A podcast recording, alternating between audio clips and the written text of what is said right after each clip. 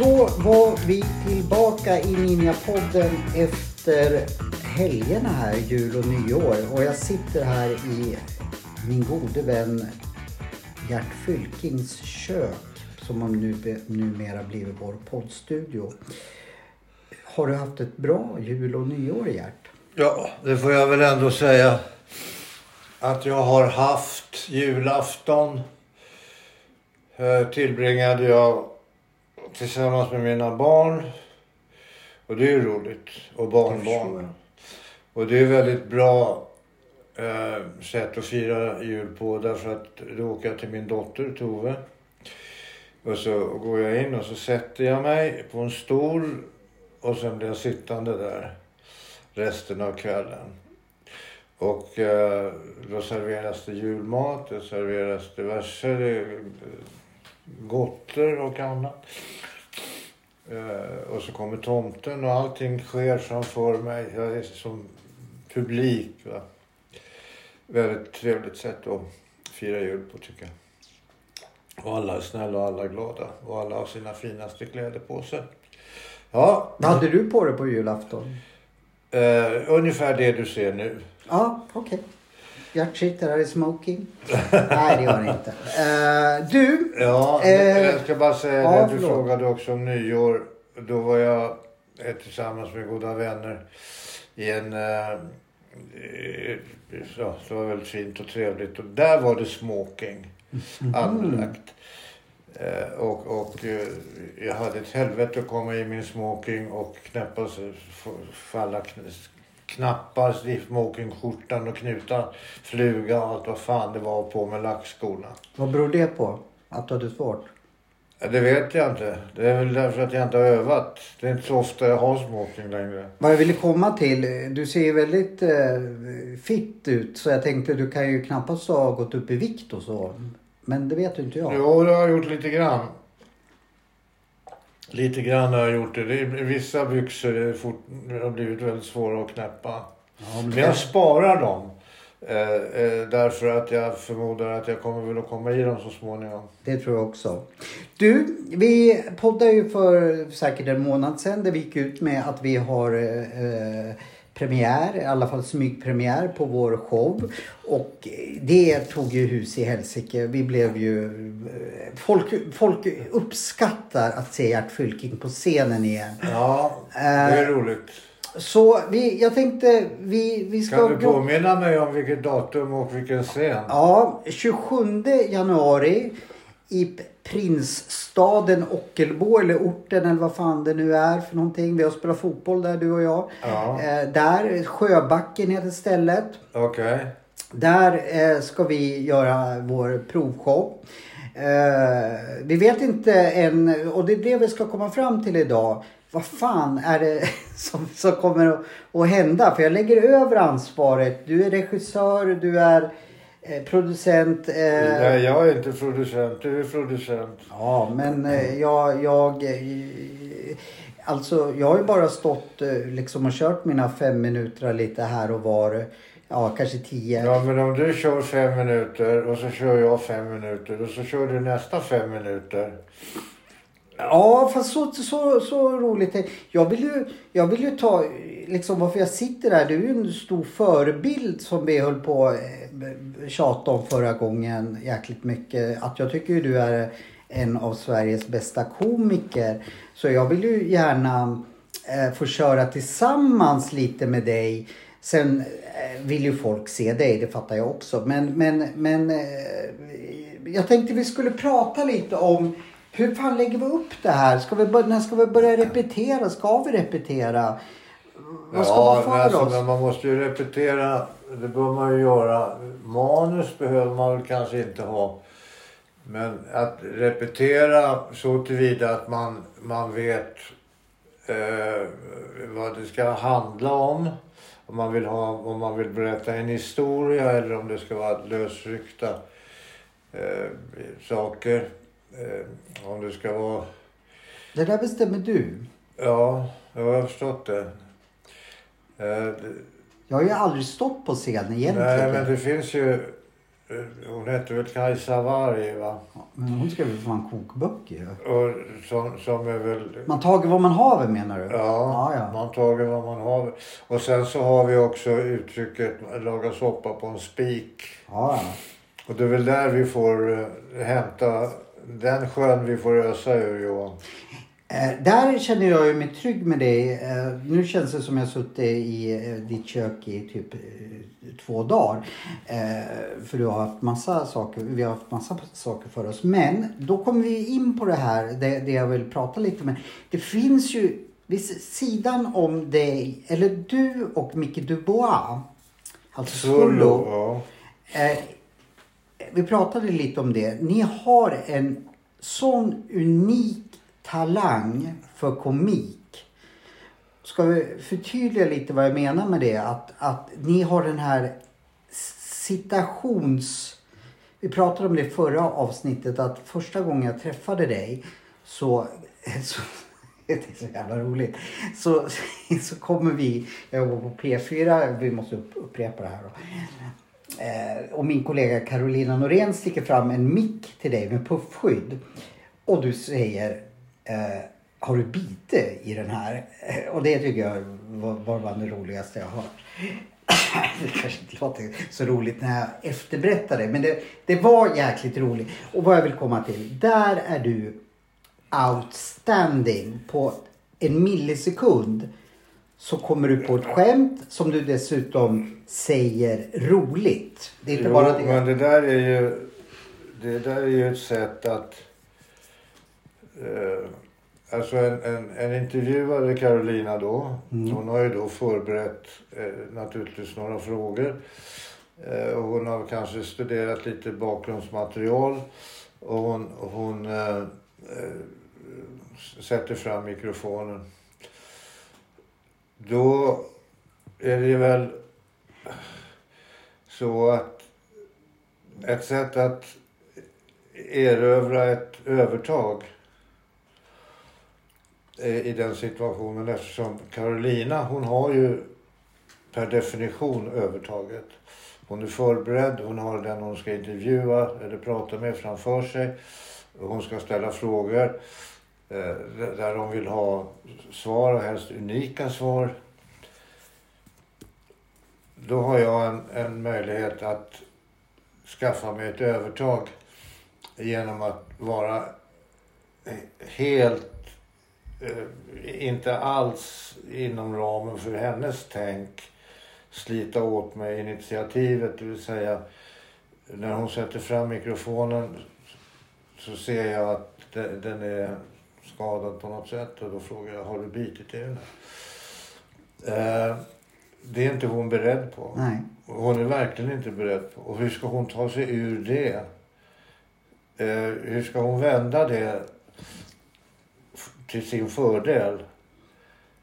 Eh, det kräver en viss talang att göra det. Va? Eh, Det vill säga träffa, kommer Messi springande med en fotboll. Det är svårt att få stopp på honom. Du måste vara lite smartare än vad han är. Va? Lite snabbare i tanken kanske, lite snabbare i fötterna. Det är svårt. Det är väldigt svårt. Eh, så att det där med situationskomik som du kallar det. Eller jag vet inte vad Nej, det heter heller vad man egentligen. ska kalla det för. Eh, man kan kalla det för eh, att man är oförskämd också om man vill. Va? Fast vad- det, jag tycker inte det. För det var inget oförskämt i det där.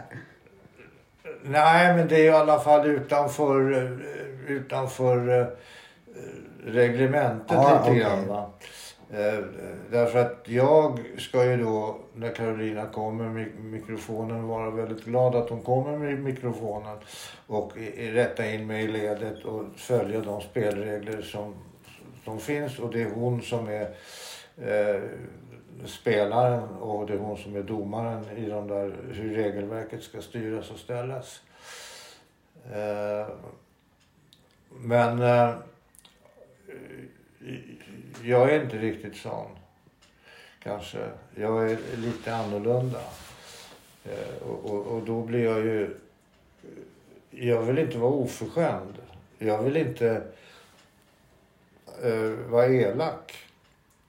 Jag vill inte vara, vara, göra bort Någon. henne eller, på, på något annat sätt. Utan jag är uppriktigt intresserad av frågan. Har du bitit i det här mikrofonskyddet, så kallade puffskyddet? Det är där komiken kommer in. För du, oavsett om du är det, nu säger du att du är, är, är det, så ställer du frågan som att du är väldigt intresserad om hon har bitit i det.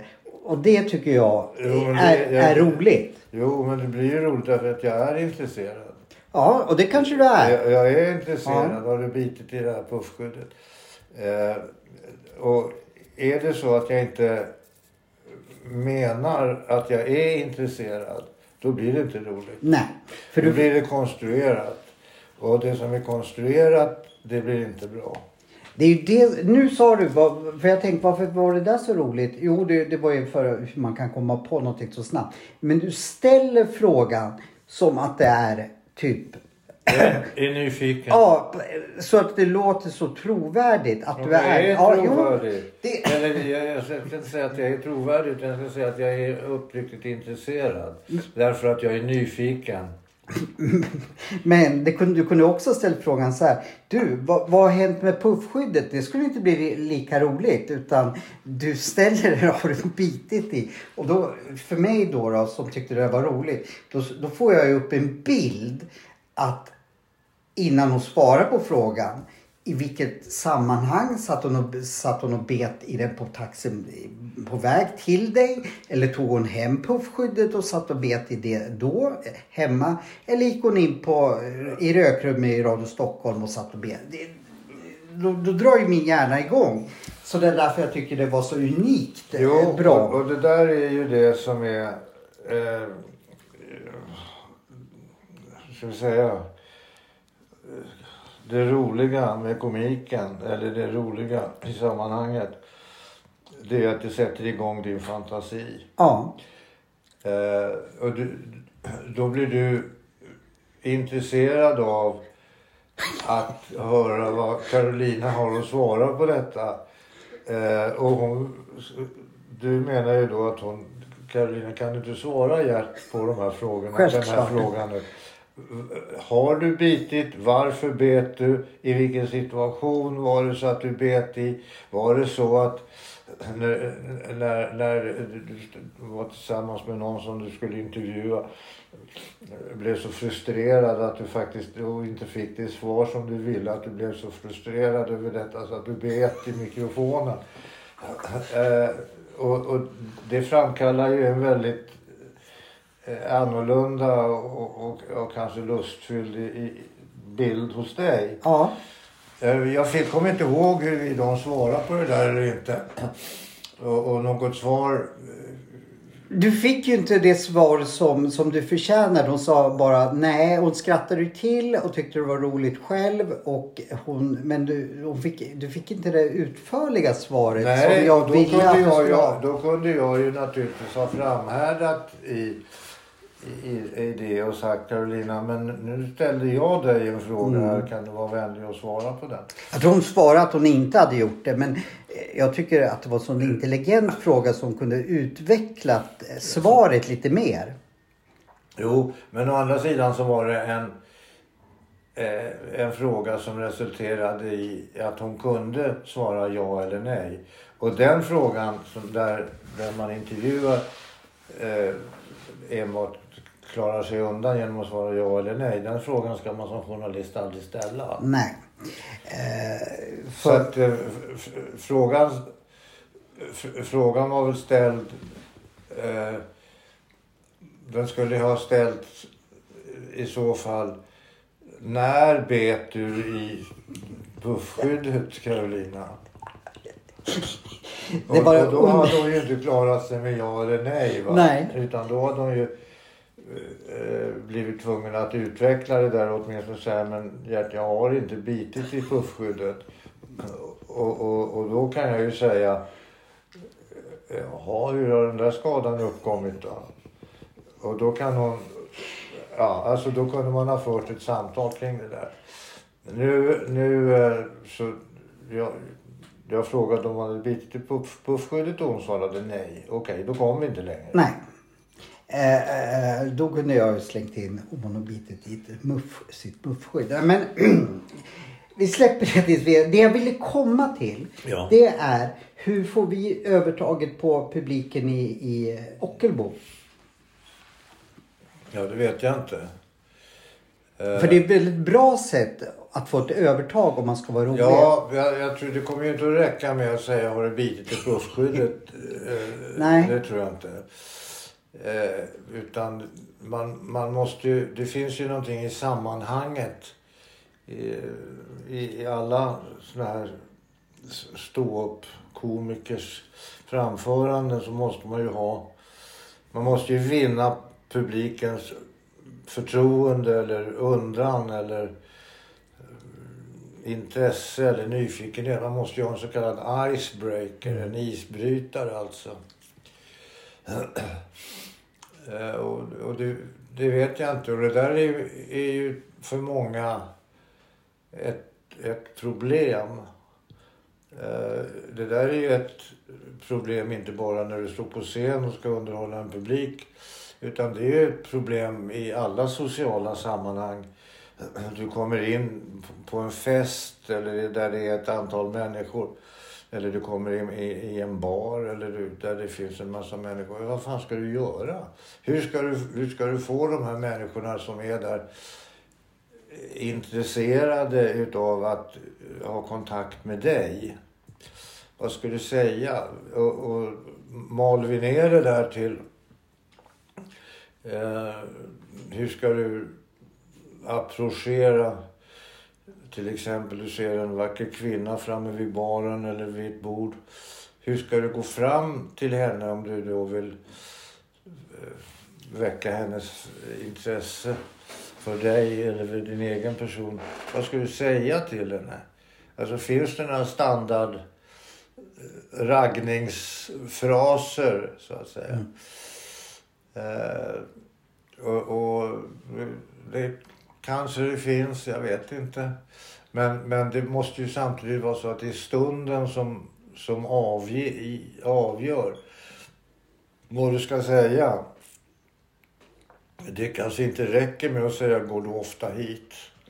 Eller eh, får jag slå mig ner? Eller, eller får jag bjuda på en drink? Det är ju ganska vanligt.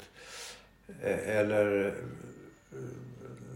ja, nu måste himlen vara ledsen för dess vackraste ängel har hamnat här och så vidare. Det finns en massa töntiga grejer man kan säga. Eh, och, och sen får man ju då hoppas att det där landar någorlunda eh, bra hos den här personen som man vill nå. Och det där är ju samma sak med, med om du går in och ska ha en föreläsning eh, eller berätta någonting inför ett auditorium. Alltså hur ska du få dem att bli intresserade? Det räcker inte med att de är ditkallade därför att de ska vara med och, och, och lyssna till din föreläsning som handlar om matematik eller vad det nu handlar om eller oavsett vad det är. Du måste väcka deras intresse. Hur ska jag få den här, de här, alla de här att bli intresserade utav vad jag har att säga? Ämnet i sig är kanske intressant och de är där därför att de måste lyssna till den här föreläsningen. Men hur ska jag få dem att lyssna på riktigt och inte sova sig Ja, igenom? ja. Var- Då måste jag väcka deras intresse. Och det är samma sak när du står på en scen. Du måste väcka intresset hos publiken. Och det är samma sak i, i, i, i dramatik. Alltså sk- sk- skriver om du ska spela en pjäs. Upptakten måste vara... Du måste slå an en ton. Så Som vi gör- bör leverera ett skämt ganska snabbt eh, i föreställningen så att vi Ja, har det behöver inte med vara ett skämt utan det En måste rolighet. vara en, en, en, en, en eh, Antingen kan det då vara en, ett, ett överrumplande skämt som till exempel som du nämnde här har du bitit i det där puffskyddet. Eh, och, och det funkar ju på dig eftersom du stod där och hörde det här och du tyckte det var roligt. Då funkade det. Men, men det behöver inte vara ett skämt utan det kan vara en, en, en situation. Eh, eller det kan vara ett påstående i största allmänhet. Eh, till exempel när man, om, om du går på en musikal till exempel så börjar ju en musikal i regel med att orkestern spelar en ouvertyr, en inledning. Mm. Och den innehåller, den innehåller väldigt mycket utav den musiken som du sen kommer att få höra. Alla de här då örhängena som, och, och kända mm. låtarna. Eh, och, och den där ouvertyren brukar ju vara då en kanske en tre minuter eller någonting. Men då, då väcker du publikens fantasi och stimulans. Och den där, nu måste jag vara med i det här från början här, så att jag fattar så mm. småningom handlingen och varför. Ja, det är svårt. Nu, har, nu fick jag en fråga. Eller ja, jag, jag håller den i en minut. För att jag har en lyssnarfråga som kommer faktiskt beröra det här ämnet. Det är från en Mats Alba som bor norr om Stockholm skriver han. Kan man använda komik i löneförhandlingar? Ja. Och Abs hur? Absolut. Eller det skrev han inte men det, det ställer jag. Absolut. Kan, på den frågan kan jag då svara ja eller nej. Va? Och sen har vi klart, klarat Nej, du får... Det, det, det, men, det men jag skulle alltså svara så här. För, jo. Om, du får, om, om, om jag ska löneförhandla med dig. Mm. Och jag vet att du sitter på en stor summa pengar. Och jag vet att du kommer och, och i slutändan ge mig 20 000 kronor i månaden. Och det har jag då listat ut för det är vad som är gängse och det är vad mina kamrater i samma situation eller mina arbetskollegor i samma situation har. Men jag vill ha mer. Jag vill ha 25 000 i månaden. Och hur ska jag då motivera detta eh, inte genom att säga att jag är bättre. Eller så. Det tycker jag är lite töntigt för det vet jag ju inte om jag är egentligen. Men däremot så, så kan jag genom att göra dig på jävligt gott humör så kan jag ju få dig att förstå att den här killen, det vill säga jag, kommer att sprida genom sitt sätt att vara en väldig massa glädje på arbetsplatsen. Hålla humöret uppe genom sitt sätt att vara och saker som man säger och, och, och saker som man gör. Hålla resten utav kollegorna på jävligt gott humör vilket gör att de kollektivt kommer att prestera bättre. Det får dig... Ja, men vad fan om han nu är så, tänker du då, om han nu är på detta sättet, jo då är han värd 25 000 kronor. Men å andra sidan, om jag kommer in och är en tråkig jävel mm. och, och, du tycker, vad fan? Jo, jag vet, jag måste anställa honom, men vad fan, han är så jävla tråkig. Han får nöja sig med 15 000. Alltså, det är skillnad på 10 000 i månaden. Det är mer om man är trevlig eller inte. Men du menar att om, om du får, får mig att skratta då, då är det större chans att jag ger dig 25 istället för 20. Ja. Ja, men då... då, då... Därför att du vet att det här är en trevlig jävel som kommer att höja arbetsmoralen. Och behöjd arbetsmoral och, och, och, och, intresse att komma till jobbet och göra så bra som möjligt ifrån sig det går. Och, och, vara väl förberedd. Ja, då, då kommer det att gagna. Och de 5000 extra han får det, det kommer i slutändan att generera hundratusentals kronor för företaget. Bra, då hoppas jag att Mats Alba nöjer sig med det svaret. Nu har jag en fråga till dig. Eh, Alba. jag kan väl fan inte då vad han heter. Nej, lycka till Alba.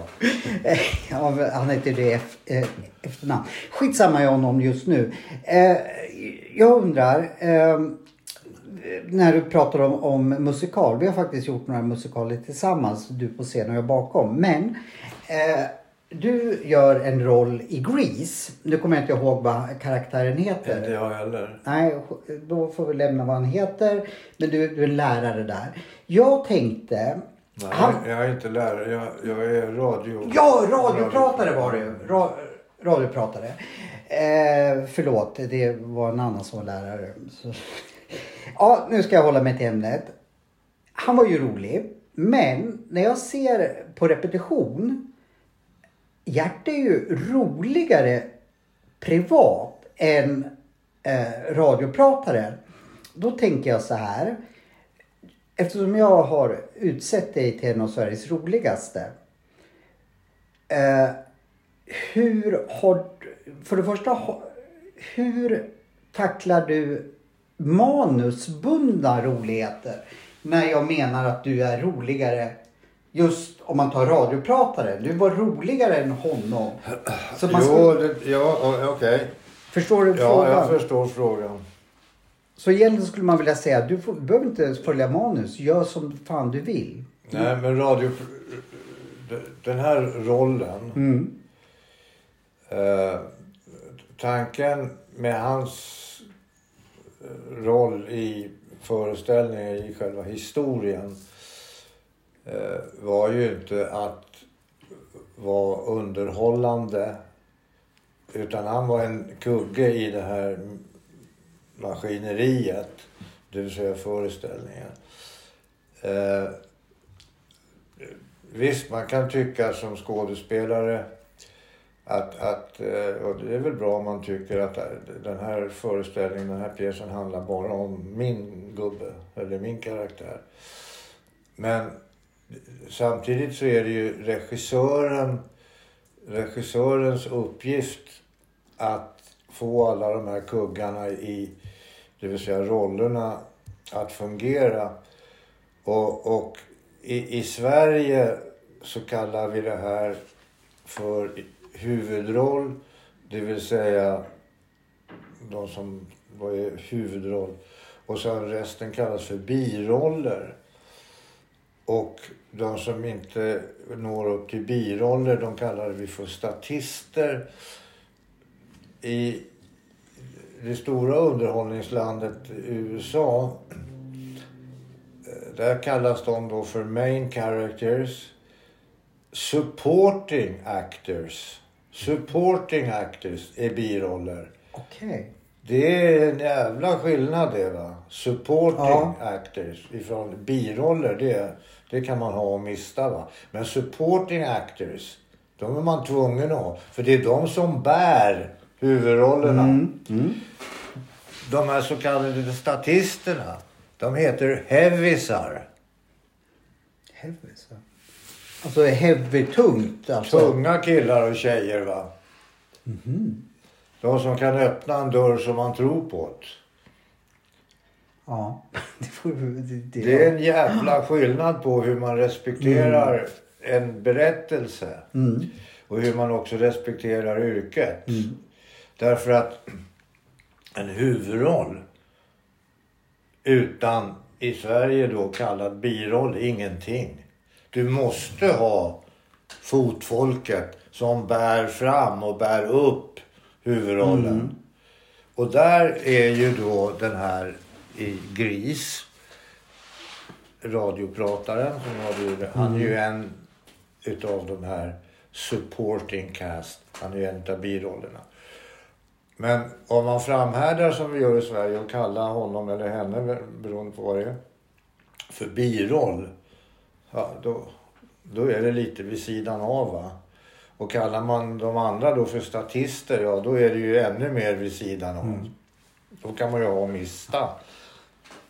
Medan man i, i, i showbiz kallar dem för supporting cast och heavisar. Det är en jävla skillnad. Ja.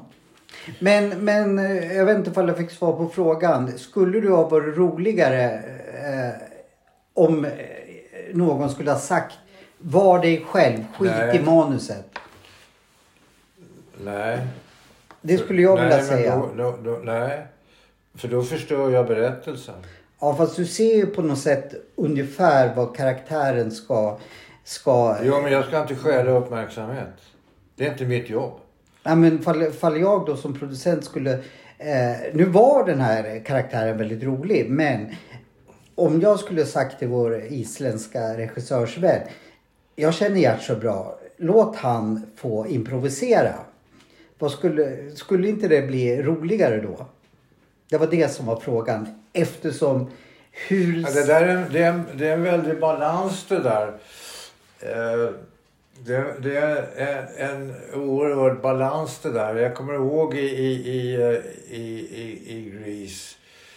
Så, då, så var det ju enskilda scener, enskilda eh, sekvenser där. Jag, jag kommer ihåg Ola Forssmed. Exakt som jag tänkte. på. Han blev ju så mycket roligare när han var... Fick, som jag, nu var inte jag med på varenda repetition. Men där fick jag... Jag har ju aldrig sett hans rollkaraktär. Grease har ju spelats tusen gånger.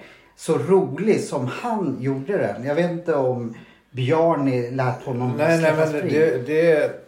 eh, Han... Ola är ju en fantastisk skådespelare. Och han har ju den här naturliga talangen för att vara eh, rolig. Han har ju det som på, på engelska kallas för funny bones. Det vill säga han har det i blodet. va. Men den sekvensen där han är rolig, det är ju där han så att säga blir, drar ner applåder och skratt. Eh, det är ju när det här i sammanhanget killgänget ska presenteras.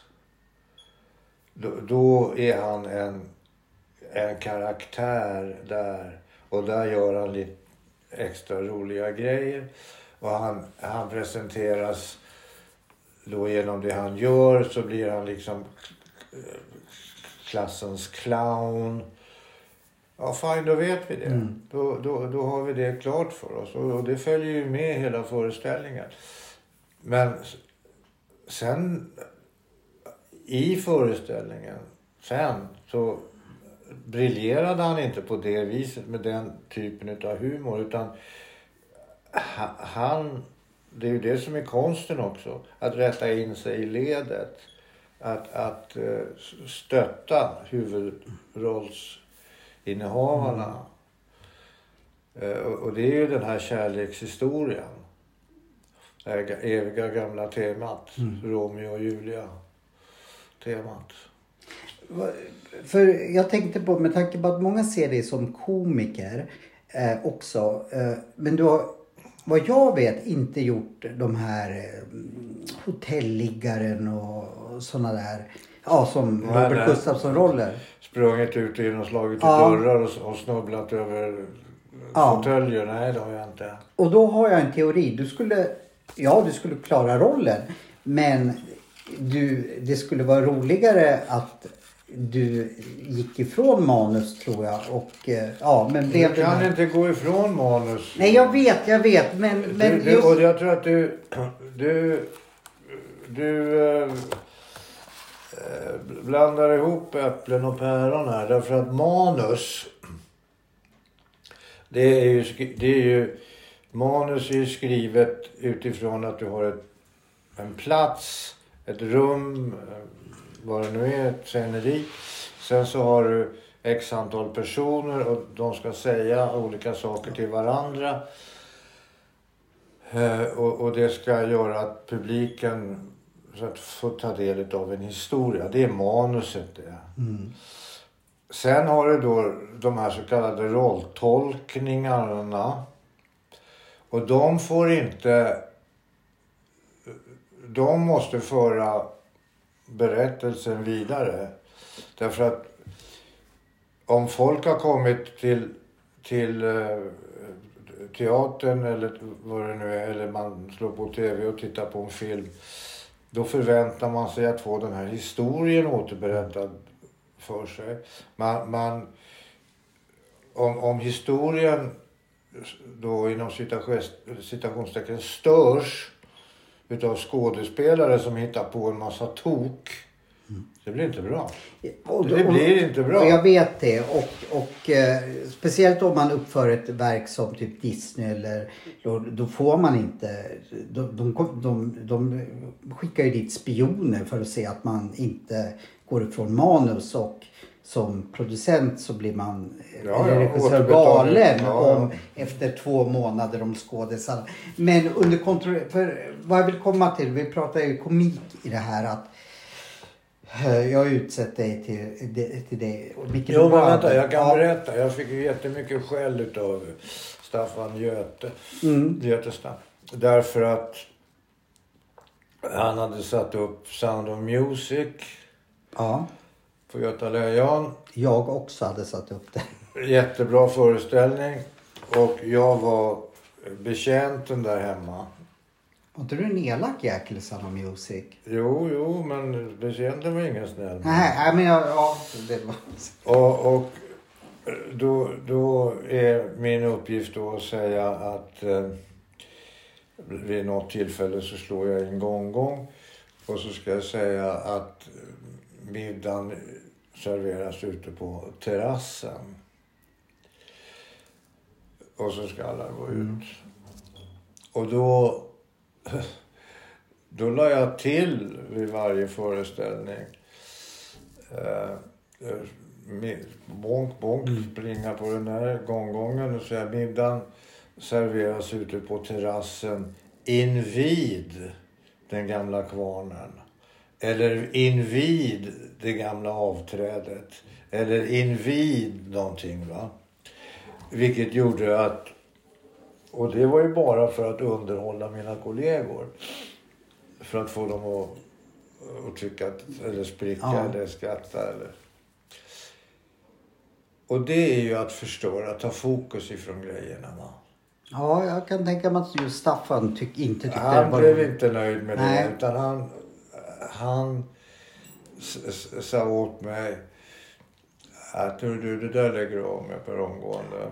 För en regissör som du säger eh, kommer ju ofta, eller producent kommer ju ofta tillbaka till föreställningen för att se Exakt, att, så att ni har att, den, spårat. att den följer intentionerna och följer det ö, upplagda eh, överenskommelsen. Liksom. Men där, och jag, och nu säger jag mot min egen roll, man får ju inte göra det. Men, men i vissa sammanhang, och det, det tror jag att en sån som Robert Gustafsson är väldigt bra på att göra karaktären till sin och gå utanför manus och för folk är, vill se Jo, Robert men Gustafsson. i, i hans fall så handlar det ju mycket om gubben. Alltså han har ju ett par tre gubbar Mm. som han gör. Och, Ja. Så, och så placerar han in dem.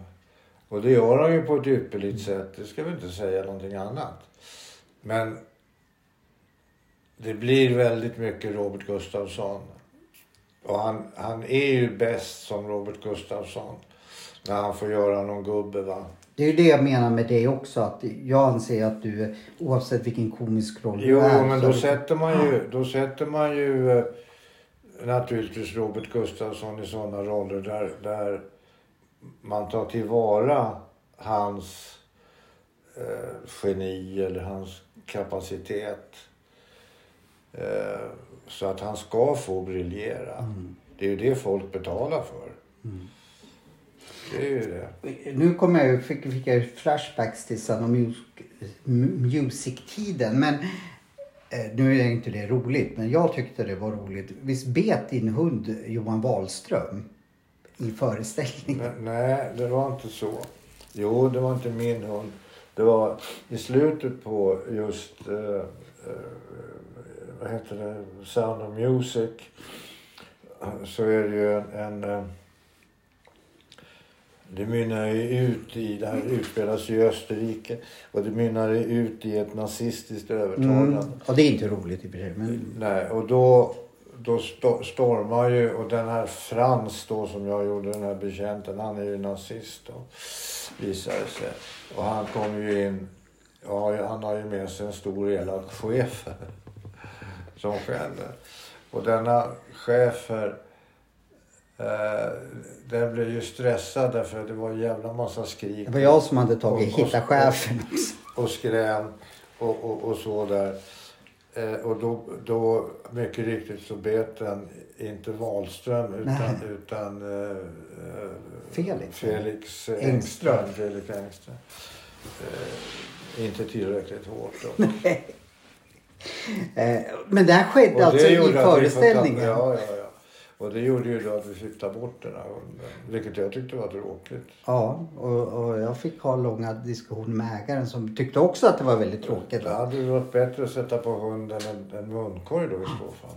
Eh, men, men ja, ja, vi ska ta en paus så folk får kissa. I nästa, eh, när vi kommer tillbaka ska vi grotta ner oss lite i hur vi kommer att jobba. För jag behöver ju lite Ja. saker att öva på. Så gå och kissa nu i lugn och ro så hörs vi. Ciao!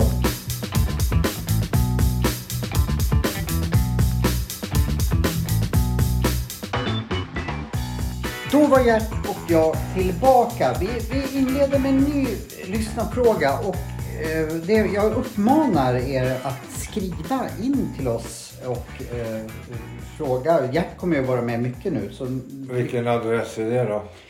ja, vad fan är det? det? Det är, man kan gå in på vårt Facebook eller eh, Instagramkonto och skriva frågor. Eller, Ja, ja, ja. så... Um, ehm, en Ninjapodden alltså. Ja, Ninjapodden. Det här har ju inte med, med humor att göra, men vi kör den frågan ändå. En Ingela Rosander i Hoting undrar om du tror på livslång kärlek? Ja, det gör jag. Absolut. Eh, jag tror att den livslånga kärleken, eh, den besitter vi nog alla. Eh, eller de allra flesta i alla fall. Och eh, den börjar väl med den livslånga kärleken med kärleken till en själv kanske. Om man aldrig hittar den då?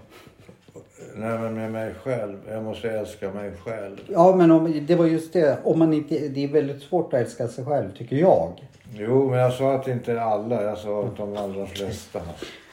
Har du hittat det? Då frågar jag. Har du hittat din kärlek till dig själv? Ja. Bra. Eh, och, och visst, jag kan väl tvivla ibland och tveka ibland. Men, men eh, jag tycker jag har ett väldigt gott förhållande till mig själv. Har du alltid haft det? Eh, ja, det tror jag. Bra. Det har jag. Och, och jag tror att jag har hållit igång den livslånga kärleken till mig själv genom min ständigt närvarande nyfikenhet. Eh, och jag tror att det är en av de absolut viktigaste drivkrafterna. Nyfikenheten. För utan nyfikenhet då åstadkommer vi människor ingenting. Vi, det är nyfikenheten som är nyckeln till framgång. Va? Du svarar så väldigt bra för nu får jag ju till, in en till lyssnarfråga som jag hade tänkt ta i slutet. Eh, vad finns kvar på din bucket list undrar en Bengt Baron i Finspång. Bengt Baron, en gammal simmare. Ja. Han, det skriver han inte men eh, det fanns en gammal eh, Ja, ja. ryggsimmare Eh, tror jag. Ja, till och med det. Eh, vad har jag kvar på min så kallade bucket list? Apropå nyfikenhet då tänkte jag då. Ja, det är ju det jag inte vet. Därför jag vet ju inte vad som väcker min nyfikenhet i nästa sekvens riktigt. Jag vet ju inte vad som kommer att väcka min nyfikenhet om jag nu skulle lyckas ta mig upp till busshållplatsen. Vad det står för människor där. Eh, Jag säger alltid, när jag kommer upp till busshållplatsen, då säger jag alltid hej. till de människorna som står och väntar där. Får du något svar? Eh, ja, jag kan få... Det kan jag få. Eh, och sen kan jag, om, om, om det... De, de flesta Eh, de tittar upp från sina mobiltelefoner eller också går de väldigt djupt in i sina mobiltelefoner. Alla har ju det för sig. va Stå och jag vet inte vad de lyssnar på eller tittar på. Men vissa, vissa människor har då någonting som väcker mitt intresse och i och med att jag är intresserad så blir de intresserade. Bland annat så var det en, en eh, ett tag sedan var en dam. Hon hade käpp.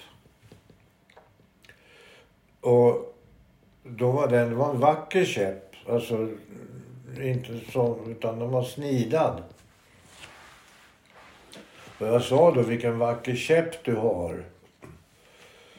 Ja, du, jo, sa hon, det, den är fin. Ja, var har du fått den ifrån? Och då kommer en historia.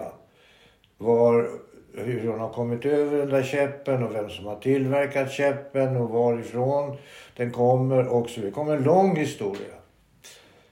Jätteintressant, tycker jag. Eh, och så inledde vi ett samtal och sen i det samtalet så kommer bussen och i och med det så går hon på bussen och jag går på bussen och hon sätter sig där borta och jag sätter mig där borta. Men jag har fått mig en liten berättelse tilldelad om hur hon har kommit över den här käppen och varför. Och det var långt innan hon överhuvudtaget behövde käpp. Så skaffade hon, eller fick hon den här käppen därför att hon tyckte den var fin. Och hon blev glad över att få den. Och nu är hon ju dessutom i behov utav den här käppen. Alltså jag tyckte det var intressant. Jag tyckte det var spännande. Jag tyckte det var roligt. Jag blev glad och, och eh, över att få fått det här lilla, den här lilla berättelsen. Och antagligen blev nog hon nog glad att få berätta den här. Ja, naturligtvis. Och så fick vi lite kontakt mm. och så, så gick de där tre, fyra minuterna väldigt fort när vi väntar på bussen. Och det där är någonting som jag kan sakna. Det här mellanmänskliga relationen. Och det pratade du om alldeles före paus här. Det där hur, hur ska jag få som inför en publik väcka människors intresse att eh, lyssna på vad jag har att säga eller tycka att det är roligt med, med den här så kallade icebreakern. I det här sammanhanget med den här kvinnan så var ju icebreakern var ju att jag sa god morgon generellt. Och sen när hon tittade på mig så såg jag den här käppen och så frågade jag vilken fin käpp du har. Och då kommer den här mm. berättelsen. Och då lyssnar jag och tycker det är spännande och intressant nyfikenheten i sammanhanget måste jag ha hela tiden. Jag hör, jag vet inte hur ofta varje dag, det där intresserar inte mig. Det där är inte ro, jag road av. Den där maten är inte god. Den där historien är inte rolig. Den där boken är skitdålig. Den där filmen är inte intressant. Vad är det för snack? Du måste förstå att allting runt dig är intressant därför att andra människor har skapat det här. De har lagat den här maten. De äter den här maten. De livnär sig via, bokstavligen via att äta den här maten. Alltså måste det vara intressant även för mig att ta del utav. Eh, jag visste inte vad kebab var. Naturligtvis. Eh, jag, jag visste vad pölsa var, men inte vad kebab var. Men jag äter med glädje kebab och har lärt mig att uppskatta kebab. Däremot så vet inte jag om jag har fått kebabätarna att äta pölsa med rödbetor. Det tvivlar jag på. Eh, därför att vi, är, vi svenskar är mera roade utav att ta del utav vad andra kommer med än att visa hur duktiga vi är själva. Eh, enda gången vi vill slå på stora trumman och visa hur duktiga vi är, det är väl i idrottssammanhang. Och där går det ju som sagt sämre och sämre.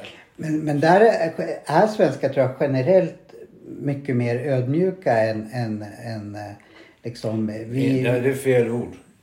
Eller ja, Ödmjuk ska man vara. ja det ska man vara. Men du förstår vad jag menar. Vi, vi, Ja, jag förstår vad du menar och alla använder ordet ödmjuk på ett felaktigt sätt. Eh,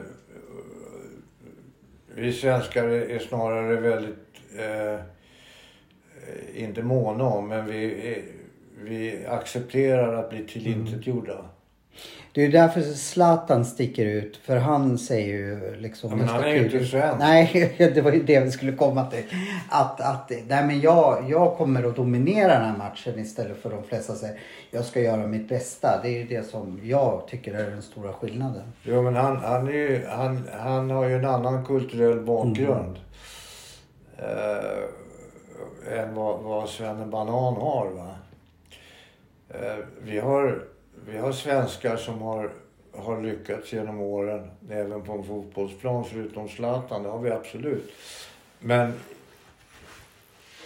han har inte bara gått till historien som, som eh, en duktig fotbollsspelare utan han har ju också gått till historien om eh, efter att ha varit han har varit jävligt självsäker. Han har sagt vad han tycker och tänker. Han, han skiter i vad andra tycker och tänker i sammanhanget. Eh, och he, hela hans framtoning och hans själv, självbild och, och, och, och hela hans tro på sig själv har ju också gjort att han har blivit en otroligt duktig fotbollsspelare. Men det finns många, många bilder och sekvenser på Zlatan där han uppträder som ett jävla svin på fotbollsplanen. Det ska vi inte glömma. Eh, Men det gör vi gärna. Så länge han gör mål för Sverige. Så att Nu gör han inte så många mål när han slutar. Nej, nu har han slutat. Men i vilket fall. Eh, nej, han är inte svensk. Nej. Nej. Eh, Alltså, han är svensk, men... Han har inte, Ja, ja, mentaliteten är Nej. inte typiskt svensk.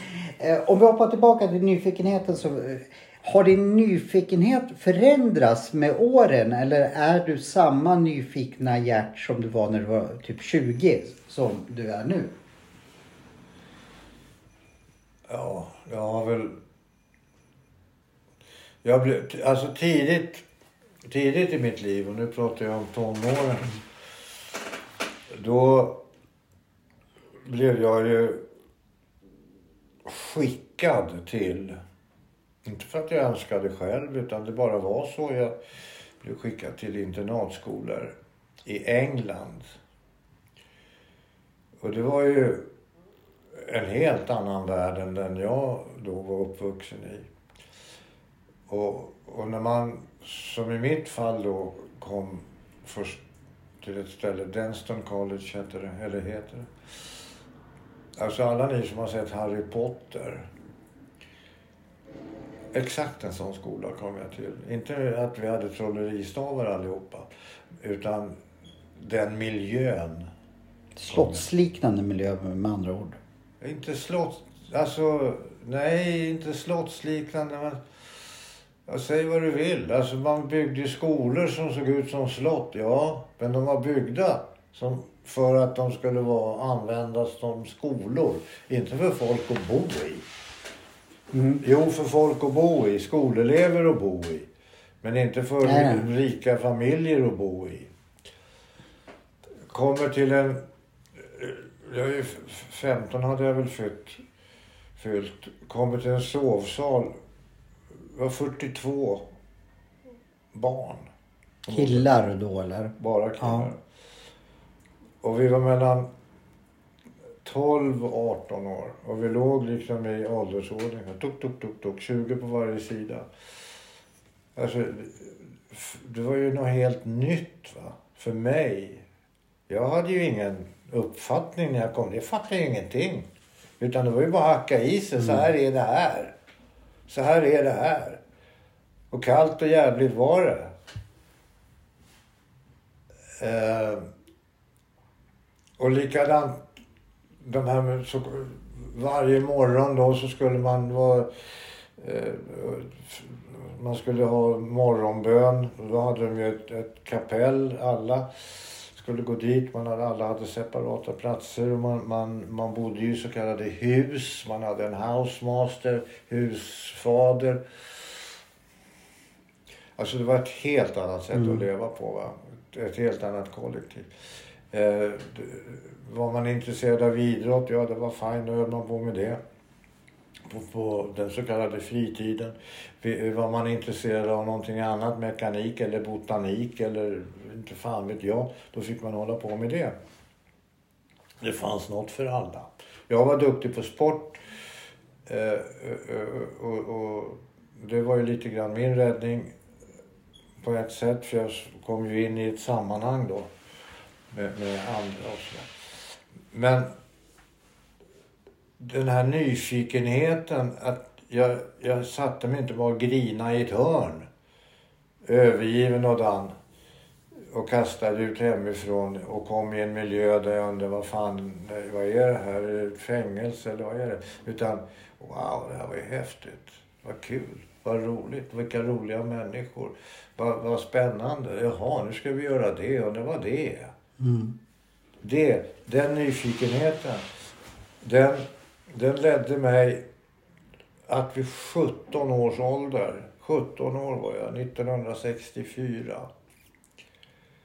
Den 8, 8 maj. 8 maj. Min namnsdag för övrigt, Åke. Ja, du heter Gert-Åke. Ja.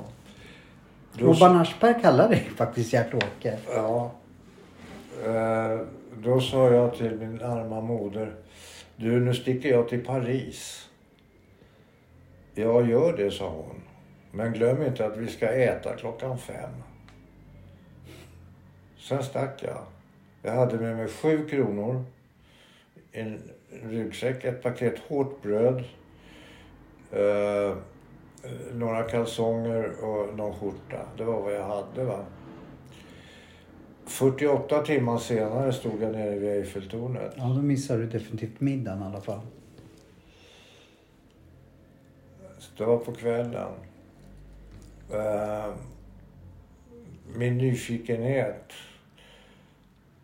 kunde väl ha kostat mig livet kanske. Men jag stod där nere i alla fall. Jag var borta i tio månader. Oj. På den tiden fanns det inga mobiltelefoner. Eh, det fanns inga telefoner överhuvudtaget knappt. Vill man kommunicera så gjorde man det med vykort. Och, och, men dagarna gick, va? månaderna gick. Eh, och, och jag hamnade ju i- då i sammanhang med människor. Jag levde ju på gatan. Alltså som... Jag var ju uteliggare. Du bodde inte på något hotell eller familj eller Nej, någonting nej, sånt? Sen så spelade jag och sjöng på gatan. Och så gick runt med hatten och fick lite pengar. Det var innan din skådespelarbana? Jag var 17 Ja, år, 17 ja, år. ja.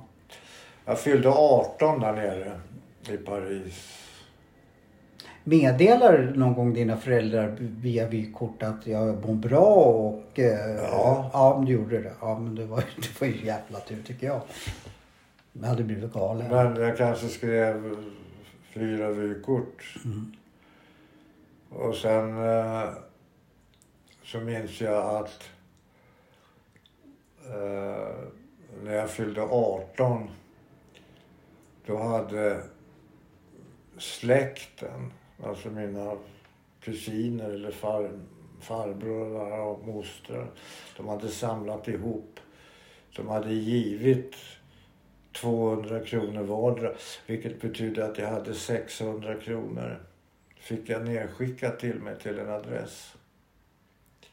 Faktiskt. Men du, du kunde för försörja dig på gatu... gatu Alltså det var... Ja, jag försörja och försörja. Jag, eh, jag kunde överleva. Ja, överleva. Ja.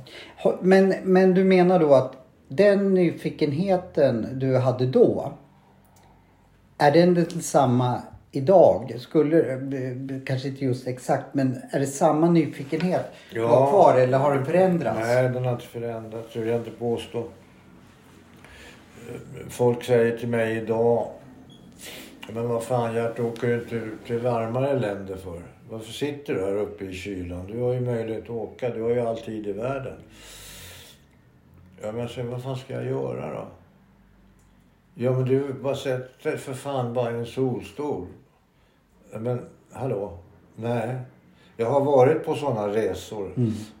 Eh, då när barnen var små och jag hade familj och sådär på ett annat sätt. Ja, de gick och satte sina jävla solstolar och ungarna satt och byggde sandslott. Vad fan skulle jag göra? Jo, jag gick. Jag gick upp i stan, jag gick runt Mm. och tittade hur det såg ut. Jag kan inte sitta still på det viset. Jag vill veta varför, vad är det här, hur ser det ut här? Vad, vad, och gör folk? Det tyckte jag var kul. Och, och kom det någon, någon, någon lastbil där de skulle lasta av. Ja, men då kunde jag ju hjälpa till att bära lite grejer där. Och så gick jag vidare bara. Alltså, jag är nyfiken. Jag är intresserad. Och det är ju bra att du har kvar tycker jag samma nyfikenhet som du hade när du var 17. Ja, jo, det är klart att den har väl i viss mån förändrats. Eh, nyfikenheten som då på den tiden kanske också gränsade till våghalsighet. Eh, den, den, den är väl kanske utbytt mot en mera sansad nyfikenhet. Eh, alltså det vet fy fan vad man höll på alltså. Det är inte klokt egentligen. Skulle du, om du var, du har ju själv eh, barn. Eh, har du uppmuntrat den, det du själv hade eller är du Alltid. alltid, så om, nu tar vi ett av dina barn, Felix skulle fått för sig vid 17 års ålder och dra till Paris. Då Han åkte till eh, New York. Han sa till mig, han hade precis fyllt 18. Han fyllde på sommaren. Och så när, när det blev liksom dags, då när, efter sommarlovet eller sommaren där, så farsan nu sticker jag till New York. Ja, så jag gör det, vad roligt. Och iväg åkte han. Mm. Då hade han fixat resa. Han betalade ju själv.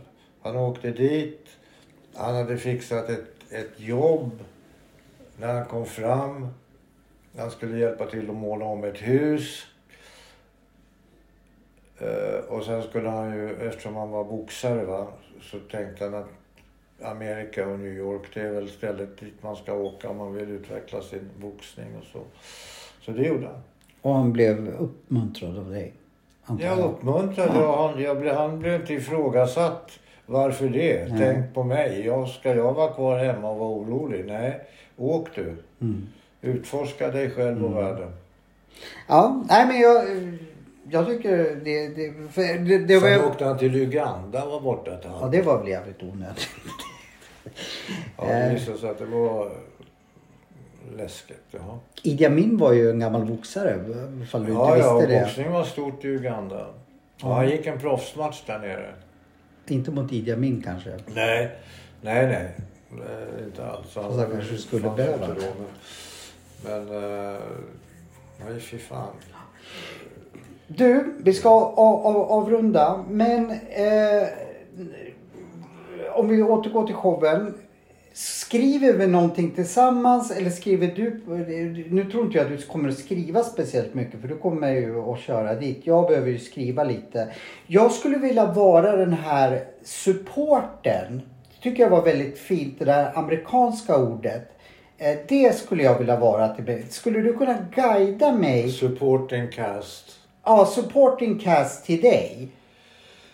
Vi behöver inte gå in på det nu, men, men till nästa gång vi ses så ska jag ha, få instruktioner av dig så att, att jag blir en perfekt supporting vad fan? Cast. cast. Supporting cast vill jag vara till dig i Ockelbo.